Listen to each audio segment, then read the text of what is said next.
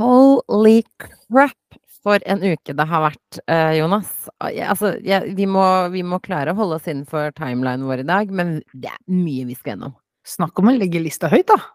Men det er jo det. Vi har jo masse vi skal gjennom. Altså, herregud, det skjer mye i verden. Altså, what is going on? Altså, hvorfor klarer vi ikke å være fredfulle folk? Nei, det er jo kostspørsmål. Nå har vi jo ikke bare Ukraina og Russland, nå har vi Israel, Palestina. Altså, det er jo ikke en nyhet på en måte at det kriges der, men eh, det har virkelig blusset opp nå for første gang på en god stund. Ja, og Så... det som er skummelt med det, er at uh, det er jo begrensa hvor mange store kriger en verden kan stå i uten at man utfordrer på en måte supermaktene mot hverandre. Uh, og det er det som er skummelt nå, ikke sant? fordi USA for eksempel støtter jo Israel. Eh, Saudi-Arabia støtter Palestina. Så man har noen supermakter med atomvåpen på begge sider som støtter på en måte hver sin part i konflikten. Uh, så det er liksom Og når, hvis alle skal begynne å blande seg, hvis det begynner å bli prinsippsak hvem som skal vinne, og alle skal ta i bruk skytset sitt, så vil det, som det alltid er i krig. Eh, de sivile vil lide. Militæret militære vil lide. Penger kommer til å, det kommer til å bli massiv pengebruk på militæret. Og jeg vet ikke om verden klarer mer uro, på en måte. Har du Eller? skissert fram tredje verdenskrig? Er det det du drar i gang podkasten med? Nei, jeg, skal, jeg, er faktisk ikke så veldig stressa for tredje verdenskrig. Eh, men jeg er jo litt stressa for at det er nok gærninger i verden nå. Det er mye sinne og hat i mange land nå. Det er det. Eh, og det er, og så er det sånn, og med Palestina og Israel eh, Jeg hadde diskutert det så vidt det var før vi starta på den, sånn skal man gå inn på det, for det er så betent. Det er kjempeviktig å gå inn på det, fordi eh, det, det er en altså, også kanskje Det jeg ville tipsa alle om, eh, er når man uttaler seg om hvitt fordi det her er jo sånn som alt annet i verden har blitt. Du er enten for eller imot. Enten er du pro eh, Ja, du er enten eller. Enten pro liksom, Israel eller pro Palestina. Eh, og så er det ingen mellomting, og så klarer man ikke på noe som helst vis å se den andre siden. Det er liksom bare Det er veldig sort-hvitt. Eh, så når du hører folk nå eh, agere på Palestina og Israel, så er det altså det er liksom det, det, er ingen gråsoner. Alt er bare enten-eller. Eh, enten så er man sånn Ja, det var på tide at Hamas tok Israel. Eller så er man sånn eh, Ja, nå skal Israel heldigvis bombe dem sønder og sammen. Ikke sant? For det er sånn jeg bare Det var veldig mye krigsforherligende input du har fått fra dine, de som er rundt deg. Nei, det er ikke de rundt meg engang. Det er nettet. Det er, det er internettet. Jo, ok, men da forstår jeg. Ja, ja nei, takk og lov. Nei, vi må kunne være litt mer balanserte. Og så skjønner jeg at man Eh, personlig i sjela si eh, stå, står på en måte i, på en side sterkere enn en annen. Ja. Men man er nødt til å klare å se at de som faktisk lider av dette her, til syvende og sist, uansett hvor de kommer fra, er kvinner, barn, syke, gamle. Altså de som har minst makt til å forsvare seg selv.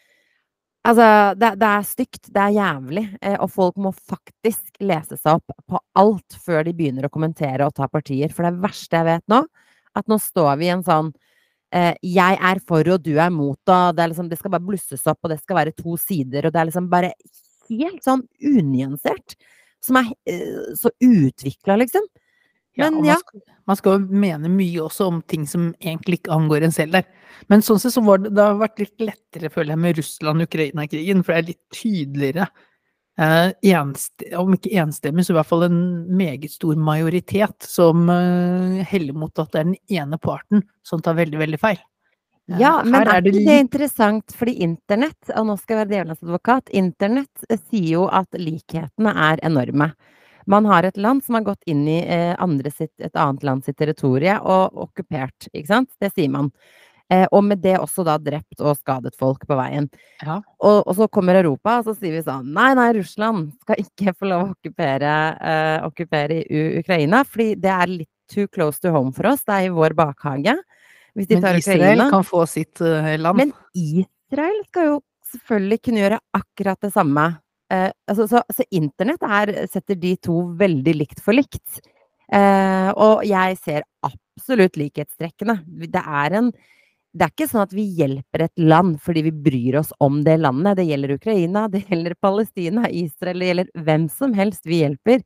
Det er ikke fordi hjertet vårt blør for dem, fordi så kyniske er politikerne.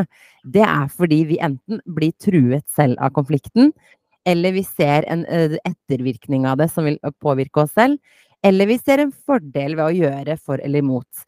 Så ikke Altså, nå, nå er jeg kynisk, jeg er det, men hvis du Du er tenker kynisk. om, da. Likhetstrekkene er ganske store. Det er bare at man er litt mer redd for Russland, som er ute av kontroll og ingen eier dem, på en måte. Ingen styrer dem. Enn man er for Israel, som styres 100% av USA. Ulik, ulikhetene er jo også ganske store da, Irma. Det er, det er litt mer Altså det, det ligger en del andre ting eh, bak der også, og så er det vel ikke Man har vel ikke Altså når det gjelder Russland, så er det jo på en måte ikke helt ende for hvor man kan tenke seg at de kanskje kunne tenke seg å utvide hvis eh, de fikk muligheten. Israel har jo sånn sett ikke tenkt å gå så veldig mye lenger, men eh, ja, det er, det er noen Ja, store likheter og noen store ulikheter. Selvfølgelig, selvfølgelig, men jeg tenker på de folka det gjelder, da. Det være ukrainere eller palestinere som blir drevet på en måte ut av hjemmene sine eller på flukt. Så tror jeg nok det, de politiske symbolikkene ikke har en skitt å si. For dem så føles det akkurat like grusomt for, eh, for dem begge, på en måte, å måtte bli drevet ut av sitt hjem og miste sitt hjem, eller miste den man er glad i, eller se folk dø. Eh, Men i denne Israel, og dette kan jo være for at Israel-Palestina-konflikten har pågått lenger enn lenger i sånn i skarpt lege enn Russland-Ukraina, men her har det vært litt mer siden sånn 1948 eller noe sånt. Ja, det var vel da de fikk eh, da de fikk sitt hellige land, var det ikke det? Jo, Eh, Det var da liksom det ble erklært at dere kan gå inn der og bo der. Ja, men, Og det var sånn det begynte. men om det er det som gjør det, men der har du i hvert fall altså provokasjonen da, som har på en måte blusset opp denne krigen eh, fra tid til annen, den har på en måte kommet litt fra begge sider. I Ukraina og Russland så er det jo ganske tvetydig, Ensidig, nei, entydig hvem som har kommet Mm. inn og, og, og blusset opp og fått det til å være som det er. Men ja, det er en betent situasjon. Det er en betent situasjon, og og jeg vet forferdelig å se de bildene igjen.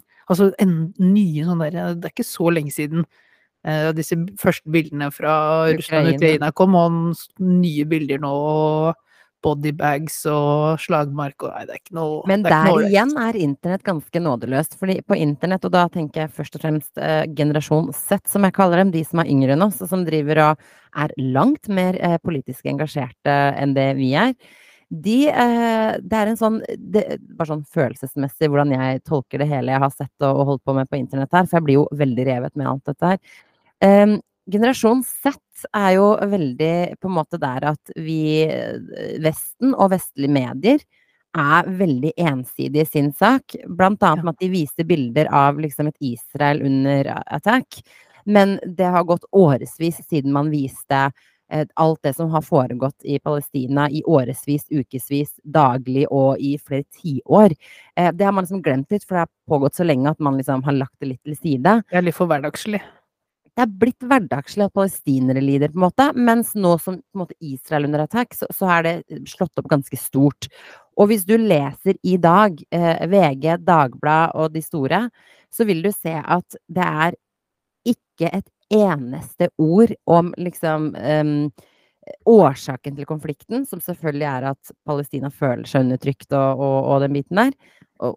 Det er ingenting om det. Det er bare om mor Altså disse grusomme historiene på en måte hentet fra Israel.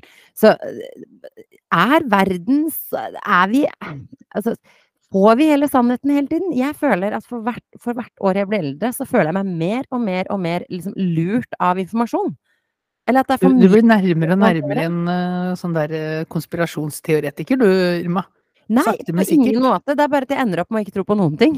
Det er ikke at jeg tror på ufoer eller flat verden. Problemet mitt er at jeg syns det er Du tror at noen lurer deg, at noen prøver å påvirke ditt sinn med Nei. ensidig informasjon. Jeg bare tror at den mengden informasjon vi får, eh, er vanskelig for et enkelt individ å sortere og trekke konklusjoner fra. Så vi ender opp med å bli litt sånn likegyldige, fordi det blir så overveldende mye at man klarer ikke å ta stilling til noen ting. Men er ikke det greit? At det er litt mer likegyldighet? Sånn, er ikke det vel så greit som at det er eh, po ekstremt polariserende? Altså, Jo, det, alle skal ikke være likegyldige, selvsagt, men at man roer litt grann, reka ned lite grann, i hvert fall. Hadde det endelig vært sånn at vi alle roa oss et hakk ned? Problemet er at den store majoriteten blir likegyldig, opplever jeg det som, og blir sittende stille i båten og liksom ikke ta noe parti. Og så blir det de polene på hver sin side som blir stående igjen og skrike på hver sin kant svart-hvitt, ikke sant. Så det er liksom eh, Da blir jo polariseringa desto tydeligere. For de eneste som snakker høyt og skriker høyt, er jo de som står på hver sin kant. Mens alle vi i midten er sånn Vi holder på å dø av å ikke forstå hvordan vi skal håndtere all den informasjonen her. Eh, Det er alt fra propagandaer til ikke-propagandaer. Hva er ekte nyheter? Hvor får vi liksom Altså, det er, det er mye å ta inn over seg, og så er jeg heldigvis glad for at norske medier er ganske balanserte. Men det er jo klart at det begynner å bli vanskelig. Det begynner å bli dritvanskelig å forstå hva, man, hva, som er rett og ikke. Ja, og det tenker jeg det er jo greit uavhengig av liksom hvilke partier man tar, og uansett hvilken krig det er. Det er liksom greit å i hvert fall sette seg inn i argumentasjonen fra begge sider. Og så får man ta seg litt eh, Tenke litt over det, Mm. eh, og mene litt eh, basert på det. Det er bedre enn å på en måte kaste seg på en hype. Yes, og jeg tror det er sunt å ha diskusjon. Eh, Jeg tror det er sunt å si jeg står på side A og mener dette om side B, og så kan den andre personen si jeg står omvendt, og så kan man diskutere hvorfor. Kanskje man lærer noe av hverandre. Det trenger ikke å, alt trenger ikke å være så betent. Altså nå er selvfølgelig dette her krig, men for oss som står utenfor og diskuterer, vi må kunne diskutere, vi må kunne se på det litt helhetlig, og ikke et enten-eller. Eh, som jeg føler at alle disse måte, situasjonene vi står overfor, blir enten-eller. Ja. Det er dritvanskelig, men alt i alt så er det bare helt forferdelig, det som foregår i verden. Det er så mye folk som lider nå. What the hell, liksom? Når skal vi kvitte oss med alle disse verdenslederne, Jonas, som tydeligvis ikke klarer De har, de har to jobber. Det er å holde befolkningen trygg, og det er å, å ha en økonomisk stabil, trygg, eh, trygt land. Samtlige av disse lederne nå, altså inkludert våre egne, bidrar til og er med på å skape og hause opp og lage masse krig og hat. What the hell? Og med den eh, starten på å lansere sin egen politiske karriere i et fullstendig uavhengig parti, eh, Irma, så kan skal hoppe litt videre i verden? Vi som bare mener verden, masse kanskje? og er overvelda av informasjon. Nei, vi må gå videre. Så jeg kunne snakka om dette her i, i, en- Altså, jeg kunne hatt en egen podkast om politikk. Det skal jeg ikke gjøre, fordi jeg snakker kunne- bare ut ifra følelser. eh, Ja, og det litt, fins andre podkaster man kan høre på, da. med Mener du at ikke vi er gode nok på dette her? Er det det du sier? Altså, hvis du, hvis du tar all din informasjon rundt politiske spørsmål øh, og henter argumenter rett fra denne podkasten og denne podkasten alene, Ikke så må du ta deg sammen. Ikke gjør det. Vi har ingen grunnlag for å mene noen ting annet enn ting vi bare tenker i farta. Ja, Ikke sant. Kan vi ikke heller hoppe over til livene våre, da? For der har vi i hvert fall Det er ikke så mange som har andre meninger om det. Der kan vi øh, få servere vår egen, da. Akkurat som vi vil, ja. ja. Ja, hva skjer i livet ditt? Hva skjer i livet mitt? Herregud, vet du hva, det skjer ikke noe spesielt uh, i livet mitt i det hele tatt. Uh, jeg blir du hadde- stressa.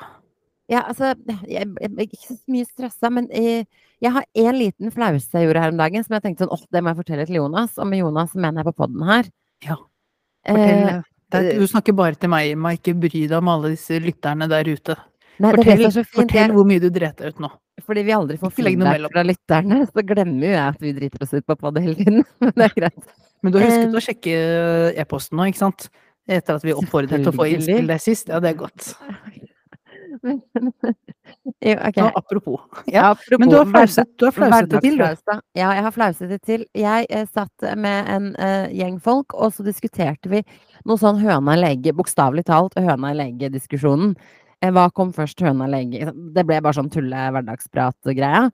Og så eskalerte dette her til hva er forskjell på hane, høne he, Altså hva, liksom, hva betyr alt dette her? Og så var det noen som sa eh, Og på engelsk er det ikke noe som heter eh, kokk. Og så var det noen som sa nei, nei, det heter rooster. Og så spinte dette av gårde, og så gjør jeg det jeg gjør aller best. Jeg går rett inn på Translate, eh, på Google eh, Translate, og så legger jeg inn eh,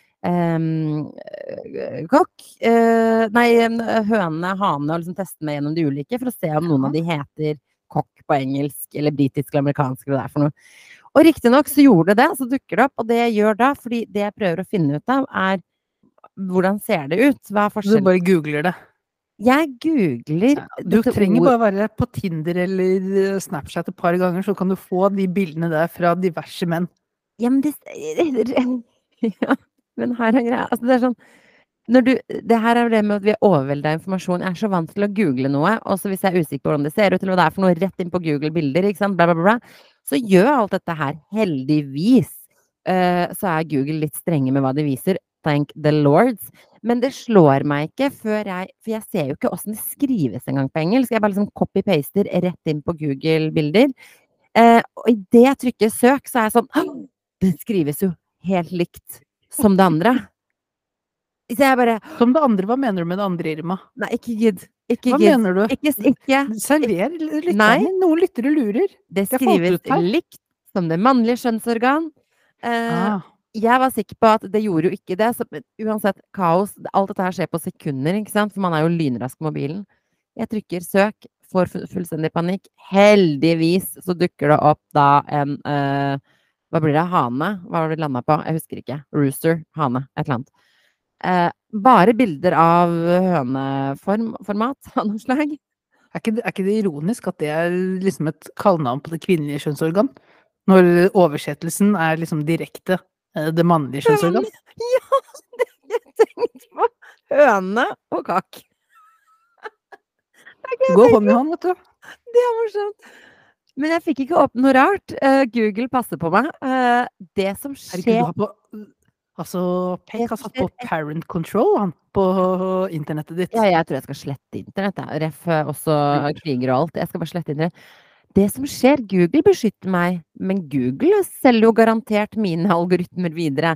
For det som skjer nå, er at nå florerer det av Viagra, Viagra-reklame, penisforstørrelser. Så jeg har ikke fått penis i fjes, men jeg har fått veldig mye tips og råd fra reklamebransjen om hvordan jeg skal håndtere min penis. Lærer du noe nytt? Du har jo aldri hatt en penis å håndtere. Lærer du litt nytt nå? Altså, jeg, jeg er overvelda. Altså, det skjedde med sekunder etterpå. I alle mine liksom, feeds nå handler om gjerne medisinske ting som skal improve mitt mannlige skjønnsorgan. I tillegg til at mailen min nå Jeg har jo sagt at alle disse spammerne som sender meg sånn, um, sånn 'jeg vil ligge med nå deg'-mailer deg Viagra de Viagra istedenfor å ligge med deg?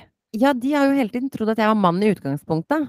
Så det er Ja. veldig mye damer som vil uh, 'sleep with you, sexy man'. Uh, de er nå alle tilbake i feeden min, så de har også Ja. fått beskjed om at jeg nå har ordna meg mannlig skjønnsorgan. Og ikke, det ikke bare har du ordna deg det, men du har jo diverse instrumenter for å prestere på det absolutte toppnivå med den nyvunne penisen din. Ja, så jeg bare orker ikke internett. Jeg har lyst til å gi, gi opp internett. Jeg orker ikke, Jonas. Så jeg vet ikke hvor lang tid disse algoritmene følger meg, men jeg har en følelse at det er for life, på en måte. Ja, det, det- jeg ville jo begynt å intensivt google noe helt annet. Masse, Hva massevis. skal jeg google? Hva er det, hva er det, hva er det internett Min bror har en bra ting. Min bror er sånn Uh, Han gjør mye research før han skal kjøpe ting. Hvis han skal kjøpe kjøleskap eller en komfyr eller et eller annet, gjør mye mm. research for best mulig pris. Mm. Og så ønsker han å få vekk disse algoritmene etter han har kjøpt, for da vil han ikke plutselig bli kast, oppdaget enda bedre tilbud enn det han kjøpte. Han Mhm. har et godt tips. Søk bilderammer. Det er de minst givende Google-annonsene du kan få. Tomme bilderammer. Så hvis du bare søker bilderammer, reparasjon, eh, rammer, Men du ramme syns ikke, du syns ikke hvis Google setter Eller hvis disse algoritmene settes i hop, da, så er det sånn bilderamme og kokk. Eh, Du syns ikke det kan Ah. bli et problem? Her har du the greatest The greatest penis art of the internet. Jeg er jo redd for alt. in A4, A3, A2 and A1. Jeg er jo nå redd for oppriktig at dette her er det som Altså, nå tør jeg ikke å søke på noen ting. Nå må jeg bare stå i Viagra til de skjønner at jeg ikke er interessert i Viagra. Men det har, de har betalt masse penger for at jeg skal se masse Viagra nå. De har det. Åh, jeg blir så sliten. Og det verste er at disse eh, annonsene er jo sånn eh, Noen er norske, mange er utenlandske. Som om jeg, som om jeg hadde dratt til, jeg vet da søren, Nederland for å kjøpe Viagra. Eller tatt uh, Nederland. Tenk om det er Nederland. super-Viagra. Hæ? Tenk om det er super-Viagra. Nei, jeg orker ikke. Du er ute etter kvalitet, Irma. Ikke lur noen. Du hadde dratt til Nederland med en eneste gang hvis du hadde fått noe bedre der. Jeg er forsynt, takk skal du ha. Takk skal du ha. Men det, det er dagens, uh, ukens uh, vanskeligheter jeg står i. Ja.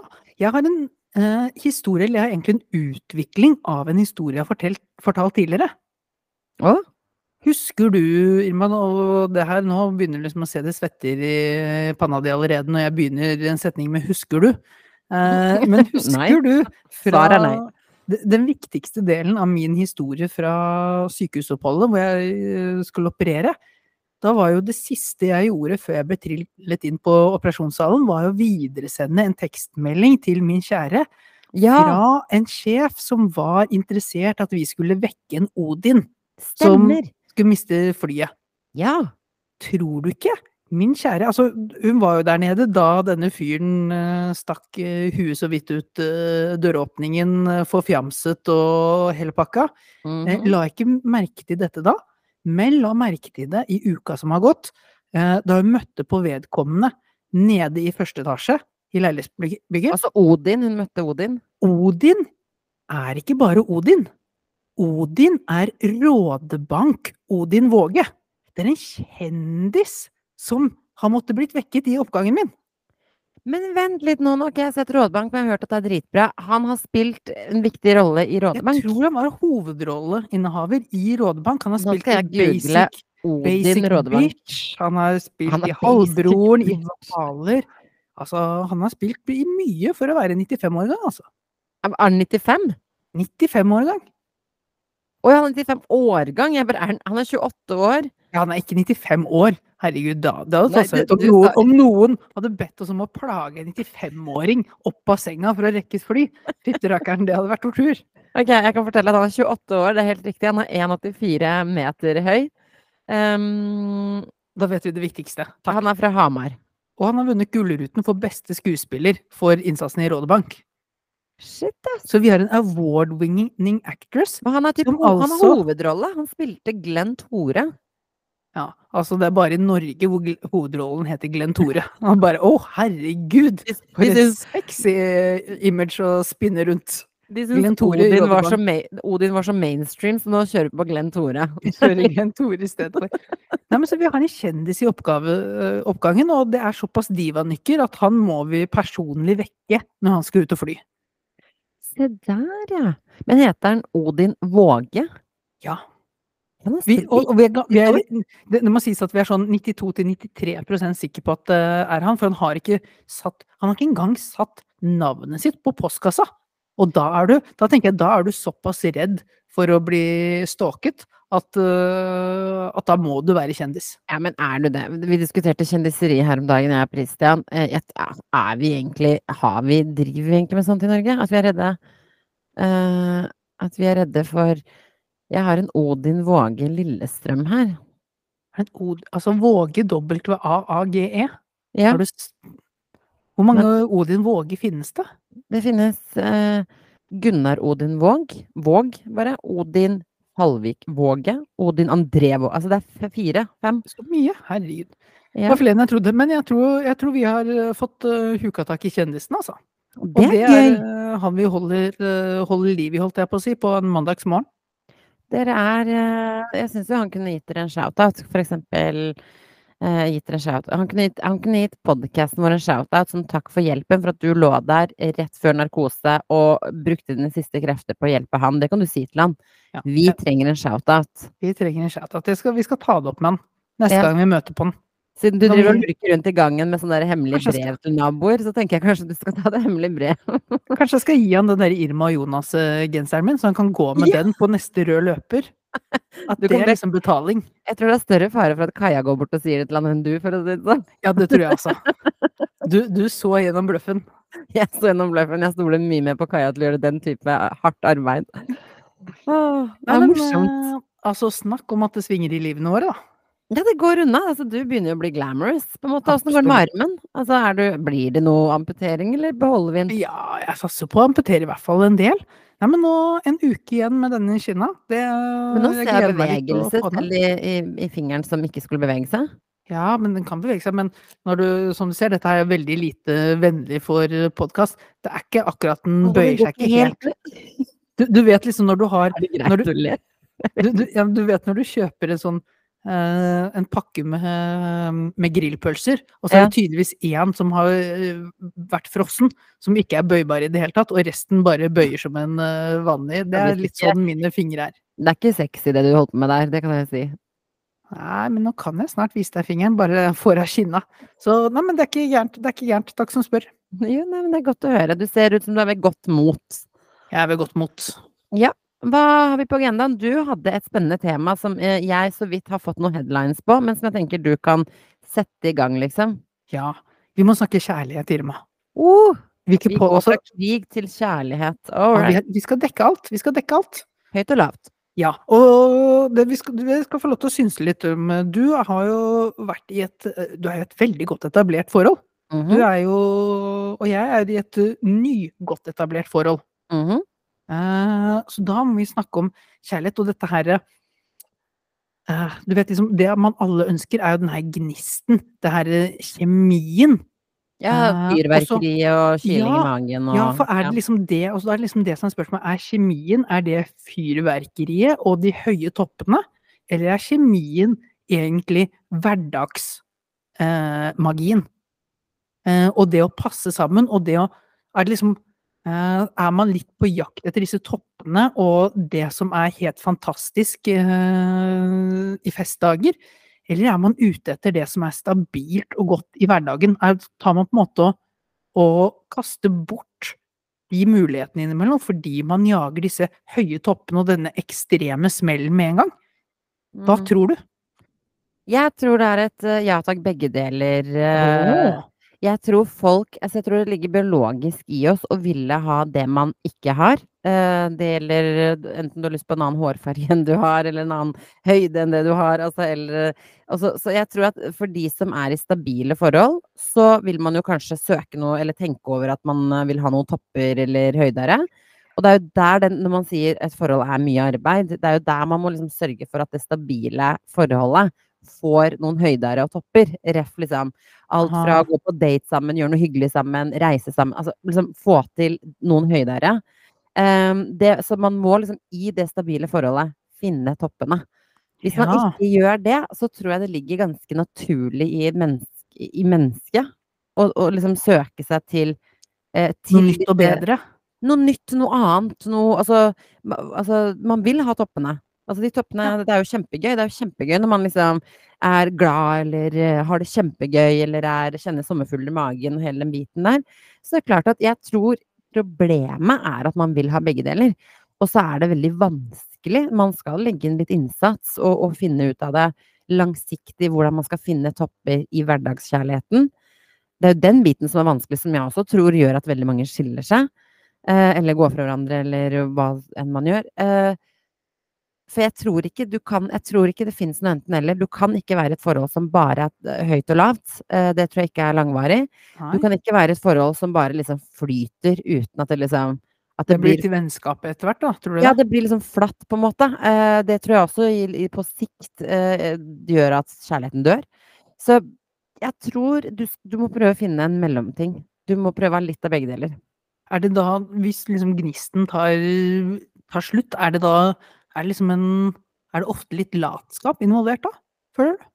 Altså, ja og nei. Altså, det, jeg tenker sånn, Mennesker endrer seg veldig mye. ikke sant? Altså, man, altså, den du er i dag, Jonas, er jo ikke den du var for ti år siden. Det. Eh, det du syns var gøy og bra som gjorde deg glad for ti år siden, er ikke nødvendigvis det som gjør deg glad i dag. Så det jeg er fortsatt liksom- veldig glad i sykkel og fotball. Er Det er veldig sant. stabil Ok, du, du er et veldig dårlig eksempel. Eh, Jeg er all, alle oss andre. Vi har gjort en, Vi har endret oss en del. Um, så det er liksom å ha på en måte en partner, tenker jeg, som klarer å være med på det. Sånn ok, jeg syns det var kjempegøy med romantikk før. Nå syns jeg det er corny. Altså Forholdet vårt har liksom kommet så langt at jeg syns ikke romantikk er noe gøy. Nå setter jeg mye mer pris på A, B og C i stedet for. Så det er liksom Å ja, da blir de A, B, C-ene mine høydere.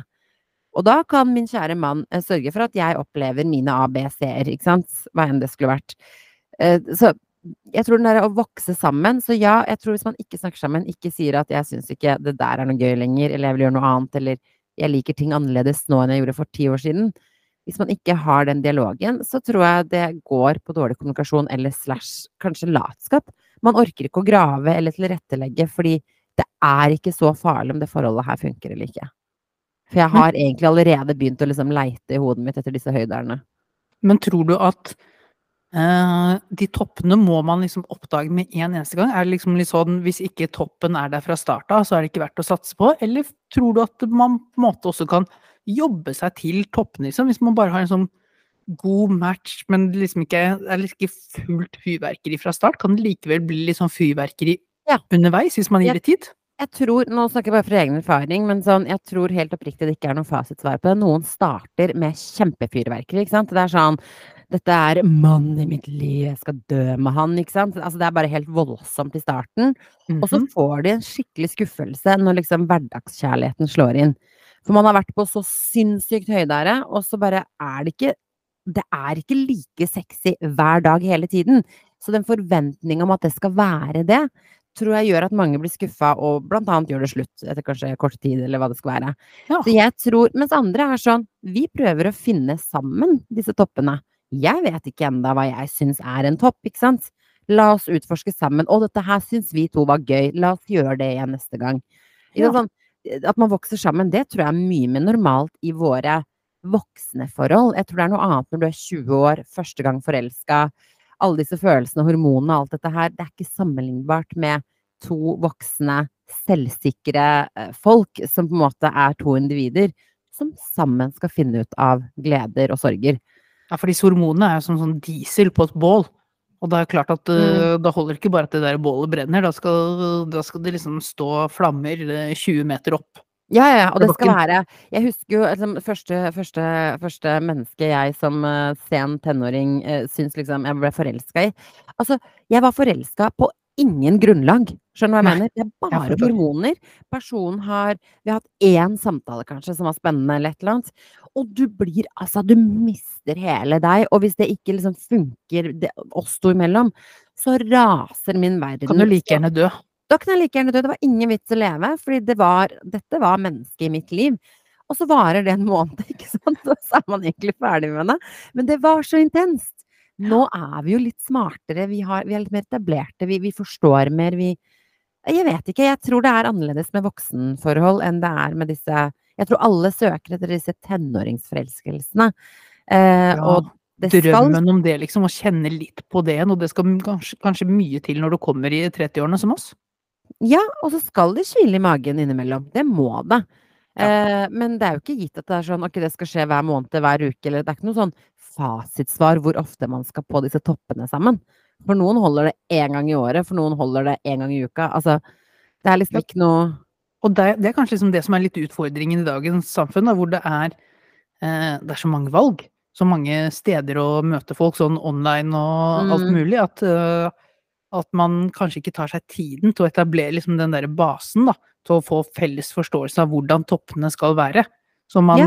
man, man, det er liksom hit, hit, hit and a miss, og istedenfor å liksom si at ok, men det var en hit and a miss, og vi prøver igjen, så blir det sånn hit and a miss, og da er det hver til oss, og glem det videre. Ja, og så er jo jeg litt sånn Jeg har jo sagt det før på poden her, at jeg har jo litt den der innstillinga om at eh, man skal selvfølgelig jobbe for å maksimere forholdet sitt. Det skal man jo. Altså sånn, nå har vi det bra, men vi har lyst til å nå disse da Eureka-toppene sammen. La oss stikke til et land vi aldri har vært i, noen av oss, og oppleve det sammen. Ikke sant? Det er en høydereform. Eh, så ja, det skal man gjøre, men jeg har jo fortsatt den derre jeg mener jo, og det kan jeg sikkert få mye kritikk for, jeg mener jo at man skal ikke jobbe seg i hjel for et forhold. Altså sånn, du skal ikke jobbe deg i hjel for å ha det bra i et forhold, hvis du skjønner. Nei, det må, må gjerne komme, det må komme litt av seg selv også. Yes, basen må være bra, og så får man jobbe med å få det liksom eksepsjonelt til tider. Men hvis basen er dritt, du skal ikke jobbe og, og kjempe for et forhold for å få det liksom opp på et minimum. Eh, Selv, selv hvis. Og er det da som selv hvis toppene er helt fantastiske, så holder ikke det så lenge basenivået er for lavt. Ja, for da får du det der forholdet som er sånn, det er enten drithøyt eller dritlavt. Altså det er enten Mm. liksom elsk eller kjærlighet, og så varer det, og så er det kanskje spennende Elsk i en eller kjærlighet tror jeg er noe du kan velge mellom, så lenge det ikke er elsk eller hat. Elsk eller hat. Nei, bare nå, nå, nå går det litt dårlig, altså. Det er ikke elsk lenger, det er kun kjærlighet. Det er ikke, altså, jeg er så lei av hat at nå tenker jeg nå er det bare elsk eller kjærlighet. Det får Ja. godt på. Nei, men det blir det for lavt og for høyt og for ofte, så, så tror jeg ikke det Og det, nå snakker jeg bare 100 av hva jeg tror, basert på egne erfaringer. Så tror jeg ikke det liksom er Jeg tror ikke det er sånn Dere blir ikke sammen Du orker ikke 20 år eller 10 år eller 5 år for den saks skyld med en person det hele tiden er høyt og lavt med. Enten sitter du og griner for du har hjertet knust, eller du eh, er på ditt lykkeligste annenhver dag. Men det er en del som havner i sånne forhold, da. Men det er kanskje litt sånn at det, utvikler seg, det utvikler seg sånn over tid, og da tar det litt tid å komme seg ut av det også. Ja, Fordi og man har vi, opplevd noe annerledes tidligere i relasjonen. ja, og da er vi tilbake Da er vi på et helt annet kapittel. Det føler jeg er sånne forhold du er på eh, Du er, du er inne i et forhold på helt feil premiss. Det er det Ja. mange som gjør. Man er i et forhold fordi man vil heller være i et dårlig forhold, for eksempel, enn å være alene. Fordi noen er veldig redde for å være alene. Eh, man er i et forhold fordi fordi man vil føle seg trygg. Eh, man føler seg ikke trygg alene, kanskje. Altså, jeg vet ikke, men det er jo ganske Og mange er også sånn Vi er sammen fordi vi har barn sammen. Det også er, kan være veldig feil premiss. Så det er liksom Det er et helt annet type kapittel, da, for å si det sånn. Ja, det utvikler seg jo etter hvert. Det kommer liksom øh, Man kan jo, som du sier, liksom, det kan jo dukke opp barn og forskjellige ting som eh, kanskje tar bort den ekstra energien da, til, som du ellers la i forholdet for å få disse pikene sammen. At Ja. du nå, må, du, nå bruker du mye mer energi på andre ting i livet. Mm. Eh, men du har sikkert gitt råd igjen, Irma, som, eh, som husets eh, kjærlighetsekspert, at man må likevel finne tid til å gjøre dette sammen. Man må finne toppene sammen. Eh, jeg er jo, som Christian sier, jeg, jeg går jo så fort lei av ting. Jeg, går fort, jeg kan gå fort lei av um, altså, leiligheten vi bor i, bilen vi kjører. Altså, jeg går veldig Jeg går fort lei av ting. Ja. Så han er sånn, det er helt utrolig at vi har holdt sammen så lenge som vi har. At ikke du har bytta meg ut, at ikke du er lei av meg. Men det er jo også fordi jeg tror man må også klare å finne en person som man kan si sånn Dette er det jeg trenger. Og det må du på en måte hjelpe meg med, og så skal jeg hjelpe deg med det du trenger, sånn at vi begge to har det godt. Så jeg tror kanskje det er det som har gjort at man varer lenge, er at man tør å si det. Ja. Jeg tror noen vil si sånn, jeg tør ikke å si til kjæresten min, eksempel, dette har vi snakket om før også, jeg, mange som ikke tør å si til kjæresten sin at du, jeg vil ha me-time. Vi har innført og etablert eh, ordet me-time i huset. Ja. Det vil si, å ja, men det passer fint at du drar på guttetur, eller det passer fint at du drar på hytta, fordi akkurat nå så er jeg litt sånn, litt sånn sliten, eller jeg har jobba mye, eller det har vært mye stress. Nå kunne jeg tenkt meg en helg med me-time. Det kan jeg si høyt uten skam, eller at han kjenner på at jeg vil ikke være sammen med han, ikke sant. Det er ingenting sånt. Det er sånn, fint at du sier det, da passer det fint, da gjør vi det sånn. ja. Og så er det nydelig, ikke sant. Så det er, men det, det er også sånn, noe så enkelt som det tør ikke folk å si. Nei, det, og det er litt sånn for deg, du skal jo også være altså selv i et forhold med den du kjenner aller best og aller mest glad i, så kan liksom snike seg inn det her at du må, må være litt politisk korrekt. Her tror jeg ikke du kjenner deg igjen i det hele tatt, Ina. Nei, Så, over så, dette, dette er det. opplysning for deg. Nei, jeg er forbi eh, annet. politisk korrekthet i forhold. Her går det rett på. Ja, Nei, men da, men da må du også være liksom trygg på at det mottas på riktig måte, da. For jeg regner med at du, når du først liksom er, er eh, kjapp i avsenderen der, så må du også på en måte ha den tilliten om at det blir oppfattet på en riktig måte. Ja, ikke som en kritikk når ikke det er kritikk, og ikke som et angrep hvis ikke det er det. Ja, du sier jo ikke altså, Det er jo ikke sånn at jeg vil ha metime, for jeg er drittlei av deg. Det er jo ikke, altså, og det er jo det mange, mange er redde for. Det er fordi jeg er drittlei av oss. Ja, jeg er drittlei av oss, og jeg er drittlei av deg. Altså, det er jo derfor mange ikke tør å si det, fordi det er sånn man føler eller er redd for at parten skal oppfatte det. Men det går an å si du, nå har jeg lyst til å lese en bok og se på mine serier, og bare liksom ha to dager hvor jeg ikke tenker på noe eller noen, eller liksom bare er litt i stillhet, da. Eh, for jeg skal bare hvile litt. Eh, det er et behov jeg har, og det kommer til å melde seg fra tid til annen. Eh, og så er det sånn, nei, men du, så flott. Det trenger jeg òg. Ikke sant? Vi bor Ja. sammen, vi jobber sammen, vi er begge to omringet av folk hele tiden. Eh, vi, altså, det er jo ikke noe veien for det. Det er jo kjempebra. Og det, jeg tror det er dritsunt å kunne ha det sånn. Så du, må finne, så du må finne disse toppene, og så må du også finne disse her avkoblingsmulighetene, da. Det må være lov å si del i hvert fall må jeg har lyst til å innimellom bare være meg, og ikke oss. liksom, Men er ikke- men er ikke-. Men er ikke dette her også Jeg forstår når man liksom har en har et Hvor lenge har dere vært sammen nå, Irma?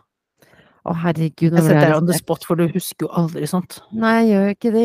Eh, Vi, jeg vet at vi er gift i ti år neste år, men vi har vært sammen mye lenger enn det, så jeg har lyst til å si 16-17 år, kanskje.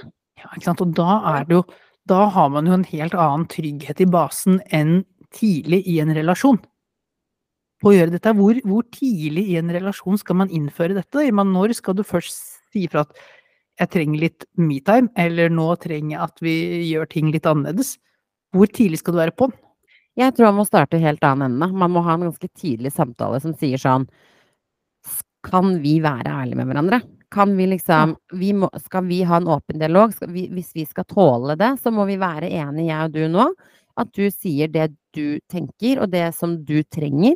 Og så skal jeg love å gjøre det samme.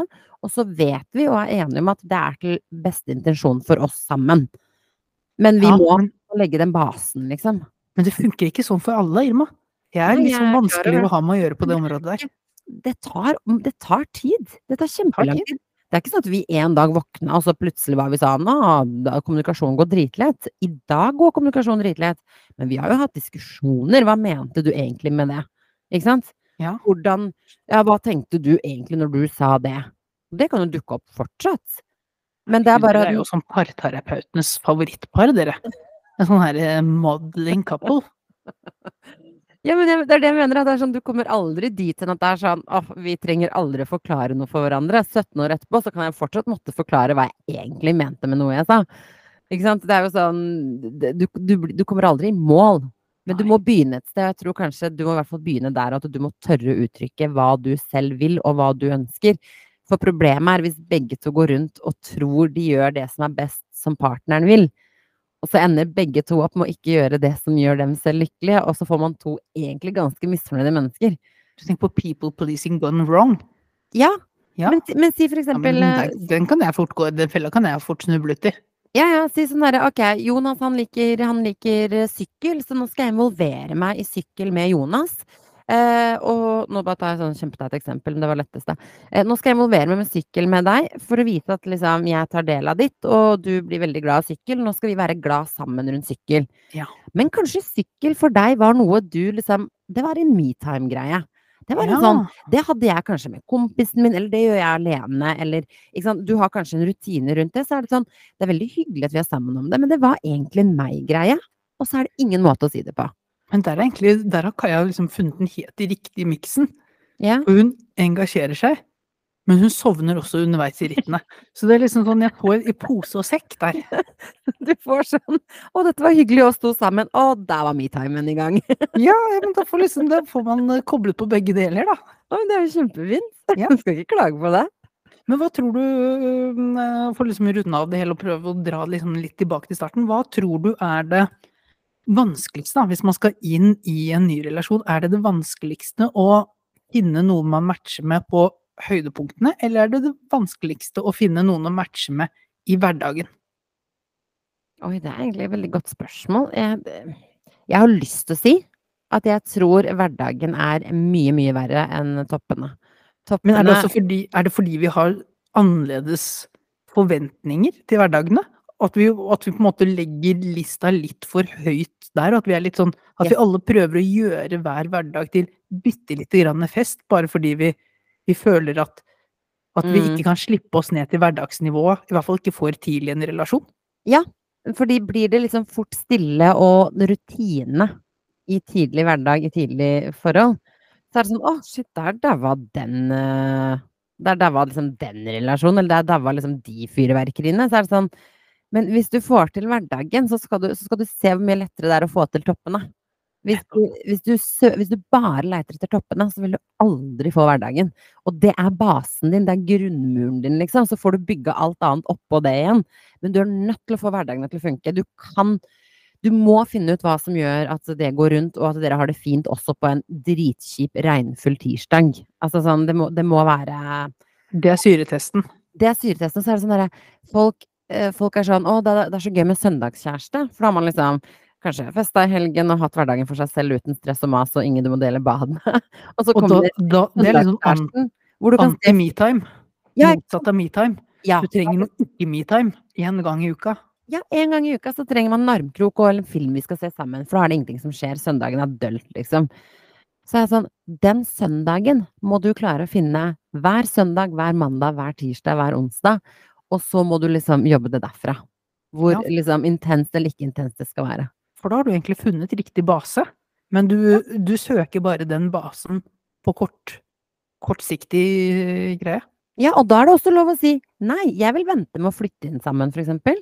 Eh, Ja. Det også føler jeg folk liksom er kjapt ute med. Det gjorde jo Jeg er den første til å si det. Vi flytta inn sammen tre sekunder etter vi møtte hverandre. Men det er sånn, det er lov å si 'jeg har ikke lyst til å flytte inn sammen', fordi det, det er faktisk sånn at jeg trives veldig godt sånn som jeg har det i dag. Så for at vi skal flytte inn sammen, så må jeg være helt sikker på at liksom vi kan bo sammen uten at det ødelegger relasjonen vår. For det er jo kjipt å jeg skal kjenne deg ganske godt, og du skal ha overnatt Vi skal liksom ha overnattet hos hverandre mange nok ganger til at du kjenner på liksom hvor store er irritasjonsmomentene, eh, før man Hvor mye snorkes det? Hvor Hvor mye snorkes det? Må du ha badet når jeg skal ha badet på morgenen? Å ja, du har ikke tenkt å rydde opp etter det? Nei, du bare liker å ha oppvask liggende rundt? Altså, det er så mye sånt. Så liksom, finn ut av det og ta deg god tid. Ikke løp liksom inn i disse forholdene. Selv når du begynner å komme litt opp i 30-årene, og føler, Og føler på 40, litt mer og press, 50, og 40, og 50, og 60 og 70. Hvis jeg kan spørre deg, Jonas Men i 80-årene, da kan du få ræva litt gir, eller? Ja, da kan du godt egentlig. Hvis jeg skulle spurt deg, da. Ville du møtt liksom eh, woman of your life, Kaja, da? Ikke sant? Eh, vil du møte henne og være lykkelig i en alder av 40, og på en måte ikke ha møtt noen før? Eller vil du ha liksom syv dårlige høyt og lavt og grining og hjerteknus eh, og alt gikk til helvete forhold før du møtte henne eh, sånn 20-årene? Ja, Og Og ikke møtt noe Kaja i 40-årene? min drøm var jo å date noen jeg følte at jeg hadde vært sammen med i to-tre år.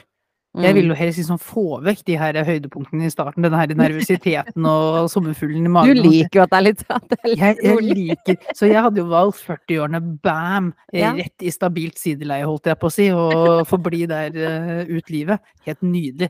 Men det tror jeg. Det tror jeg folk flest hadde gjort. Jeg ville også så vært sånn Ok, jeg vil heller være singel altfor mange år og bli ganske voksen. Hvis det betyr at det er da jeg møter liksom kjærligheten i mitt liv. Enn å bare drive og løpe rundt og møte ene skitet etter det andre og aldri egentlig lande et sted. Og bare egentlig bli mer sånn skada av at du bare har møtt mye dårlige folk. Ja, for du kan jo dra det med deg. Du kan liksom dra Du det med som litt bagasje der. Ja, blir du skuffa, får du hjertesorg, eh, er det mye sånn Å, det har vært mye utroskap, mye greier. Alt det der tar man jo med seg inn i hvert eneste forhold. Det er jo bagasjen man tar med seg. Ja, kanskje, kanskje man må ta en liten vårrengjøring i egen bagasje. Kanskje Ja. må du gjøre, nå må du gjøre litt, nå må du tenke at uh, du har vært på ferie i Paris hvor veggdyrene kryr, og så må du lufte den bagasjen din ute på balkongen i en ukes tid til Mm. uh, alt har dødd, alt som er skadelig har dødd, og så kan du bringe den inn igjen og gå videre med den i livet. Og så må du ta en vurdering om hva er basen din. Er alle Hvis du har møtt mye dårlige mannfolk, eksempel, og du vet jo at det er ikke de du vil være sammen med, den type på måte egenskaper, så har jeg erfaringsmessig sett at de samme damene går til de samme dårlige typer eh, grunnmurer, for å si det sånn. Så Det er sånn-. Ja. Når du tar den vårrengjøringa fra Paris, sørg for å tømme den kofferten, og så begynner du på nytt. Ikke sant? Kanskje bare skal sette fyr på hele jævla kofferten. Og kjøpe en ny. Jeg tror du må ha en ny koffert. Jeg tror ikke det er plass og rom. Det er, den er for ødelagt, den faktisk. Ja, bare sett fyr på hele jævla driten. La den brenne ut på balkongen. Gå og kjøp en ny koffert. Det er det vi, uh, det er det vi oppfordrer til. Og med den brannfakkelen så kan vi vel runde av diskusjonen og temaet da, Irma. Vi kan runde av eh, diskusjon og tema. Eh, vi tar, eh, fordi vi har ikke offisielt erklært Formel 1-studio over, men vi tar siste minuttene også i Formel 1-studio. Takk for at du hørte hittil. Så høres vi igjen neste uke. Altså, den episoden her er altfor kort til å, til, å, til å dekke noe av det. Vi har jo heldigvis fått oss en sånn Snapchat-gruppe nå, Formel 1-gruppe. Hvis det er noen som vil være med å diskutere Formel 1 på Snapchat, så får dere si ifra. For øyeblikket er det meg, deg og Ronny, Jonas. Jo, jo, men det er, det er vel de lytterne pluss kanskje Kristin som uh, hører på Ja. Formel 1-studio. Og jeg tror det vi er godt representert. Og jeg syns jo det var veldig hyggelig å sitte og liksom kommentere til hverandre uh, under løpet i løpet. Men jeg, det var et eh, Selv om det var noen stikk i din retning. Det var stikk, men altså, jeg, var, jeg, jeg hadde helt sånn oppriktig hjertesorg. Altså, når det der skjedde. Jeg bare kjente lufta gikk ut av meg. Hva skjedde? Hamilton kjørte. Det er første runde, første sving. Hamilton eh, og Russell er på plass nummer to og tre. Eh, Max Verstappen i front, selvfølgelig. Eh, Hamilton prøver å kjøre forbi sin teammate Russell, for han er på bedre dekk. Eh, han tar en litt for krapp sving, kjører rett inn i teammaten. De begge to kjører av banen. Hamilton kommer seg ikke videre, bilen er ødelagt. Eh, og Russell kommer seg ut på banen, men har masse skader og må innom eh, pitten. Så han får en kjempeulempe. Eh, så når begge Mercedesene fløy ja, når de begge to fløy ut der, så kjente jeg liksom oppriktig liksom hjertet mitt bare falle. Altså, det var vondt. Og jeg kjente gjennom hele løpet at jeg bare var sånn tom. Jeg bare var sånn Det er så unødvendig, det er så kjipt. Vi, treng, vi trenger alle i toppen der til å fighte, for det er jo det som er racing, det er det som er gøy. Vi trenger dem, liksom. Og så kom McLaren opp. Mm? Ja, det gjorde de. Du kan trøste deg med det, og du kan trøste deg med at disse Mercedesene i hvert fall kom til start, da, begge to. Ja, det, det, er en, en, liten forutsetning. Ja, stakkars De kom ikke så langt, men de kom til start. Ja, stakkars Sainz. Jeg får så vondt av han. Jeg vil jo selvfølgelig at Mercedes skal vinne over Ferrari, og tenkte umiddelbart sånn poengmessig så er det bra. Men jeg vil jo mye heller at de skal fighte på banen, og at uh, Sainz var på banen og kjempe om de poengene. Uh, enn at det skal være sånn unfair fight, sånn som når noen kjører ut eller kjører på hverandre eller driter der, liksom. Jeg vil ha fight og race. Men, Men jeg har fått meg en ny favoritt, Irma. Oi. Jeg har fått meg en ny favoritt. Jeg, det, det, er litt dumt at jeg har glemt Jeg er ikke 100 sikker på hvem min nye favoritt er, men jeg tror det er Nico Hulkenberg. Ja, hvorfor det? Fordi han så en He sees an opportunity, and he goes for it. Uh, Carlos Sainz starter jo ikke. Det gjør at den plassen er ledig på griden, og Hulkenberg tenker den er jo et par plasseringer høyere opp enn det jeg kvalifiserte meg på. Jeg bare lukeparkerer inn her og later som ingenting, og så setter vi i gang. Altså, for en nydelig mann! Det var morsomt! Det var gøy. Når jeg leste den der meldinga på skjermen hvor det står Hulkenberg 'penalty for incorrect position', så tenkte jeg å, nå er de sånn teite igjen. Sånn der, det er snakk om liksom en centimeter ut eller inn ja. på høyre side. Og så bare han sto på feil posisjon! Jeg trodde de kødda! Men det går ikke an! Du kan Og så var det sånn du, Bilen foran deg var ikke foran deg i går. Nei, at ikke han tenkte sånn Det er et eller annet veldig rart der. Og det er det jeg elsker vi sånn Formel 1. Ja, det er dritviktig med godt fokus og sånt. Og så bare sånn Ja, hvor mange ganger ser vi ikke at de parkerer feil, eller liksom stiller seg feil i statsposisjon? Nå hopper de og stiller seg helt feil spor i det hele tatt. Nei, det er, det er mye det er mye merkelige feil som gjøres fra folk som skal være verdensmestere i å være fokusert på ja, arbeidsoppgaven. Ja.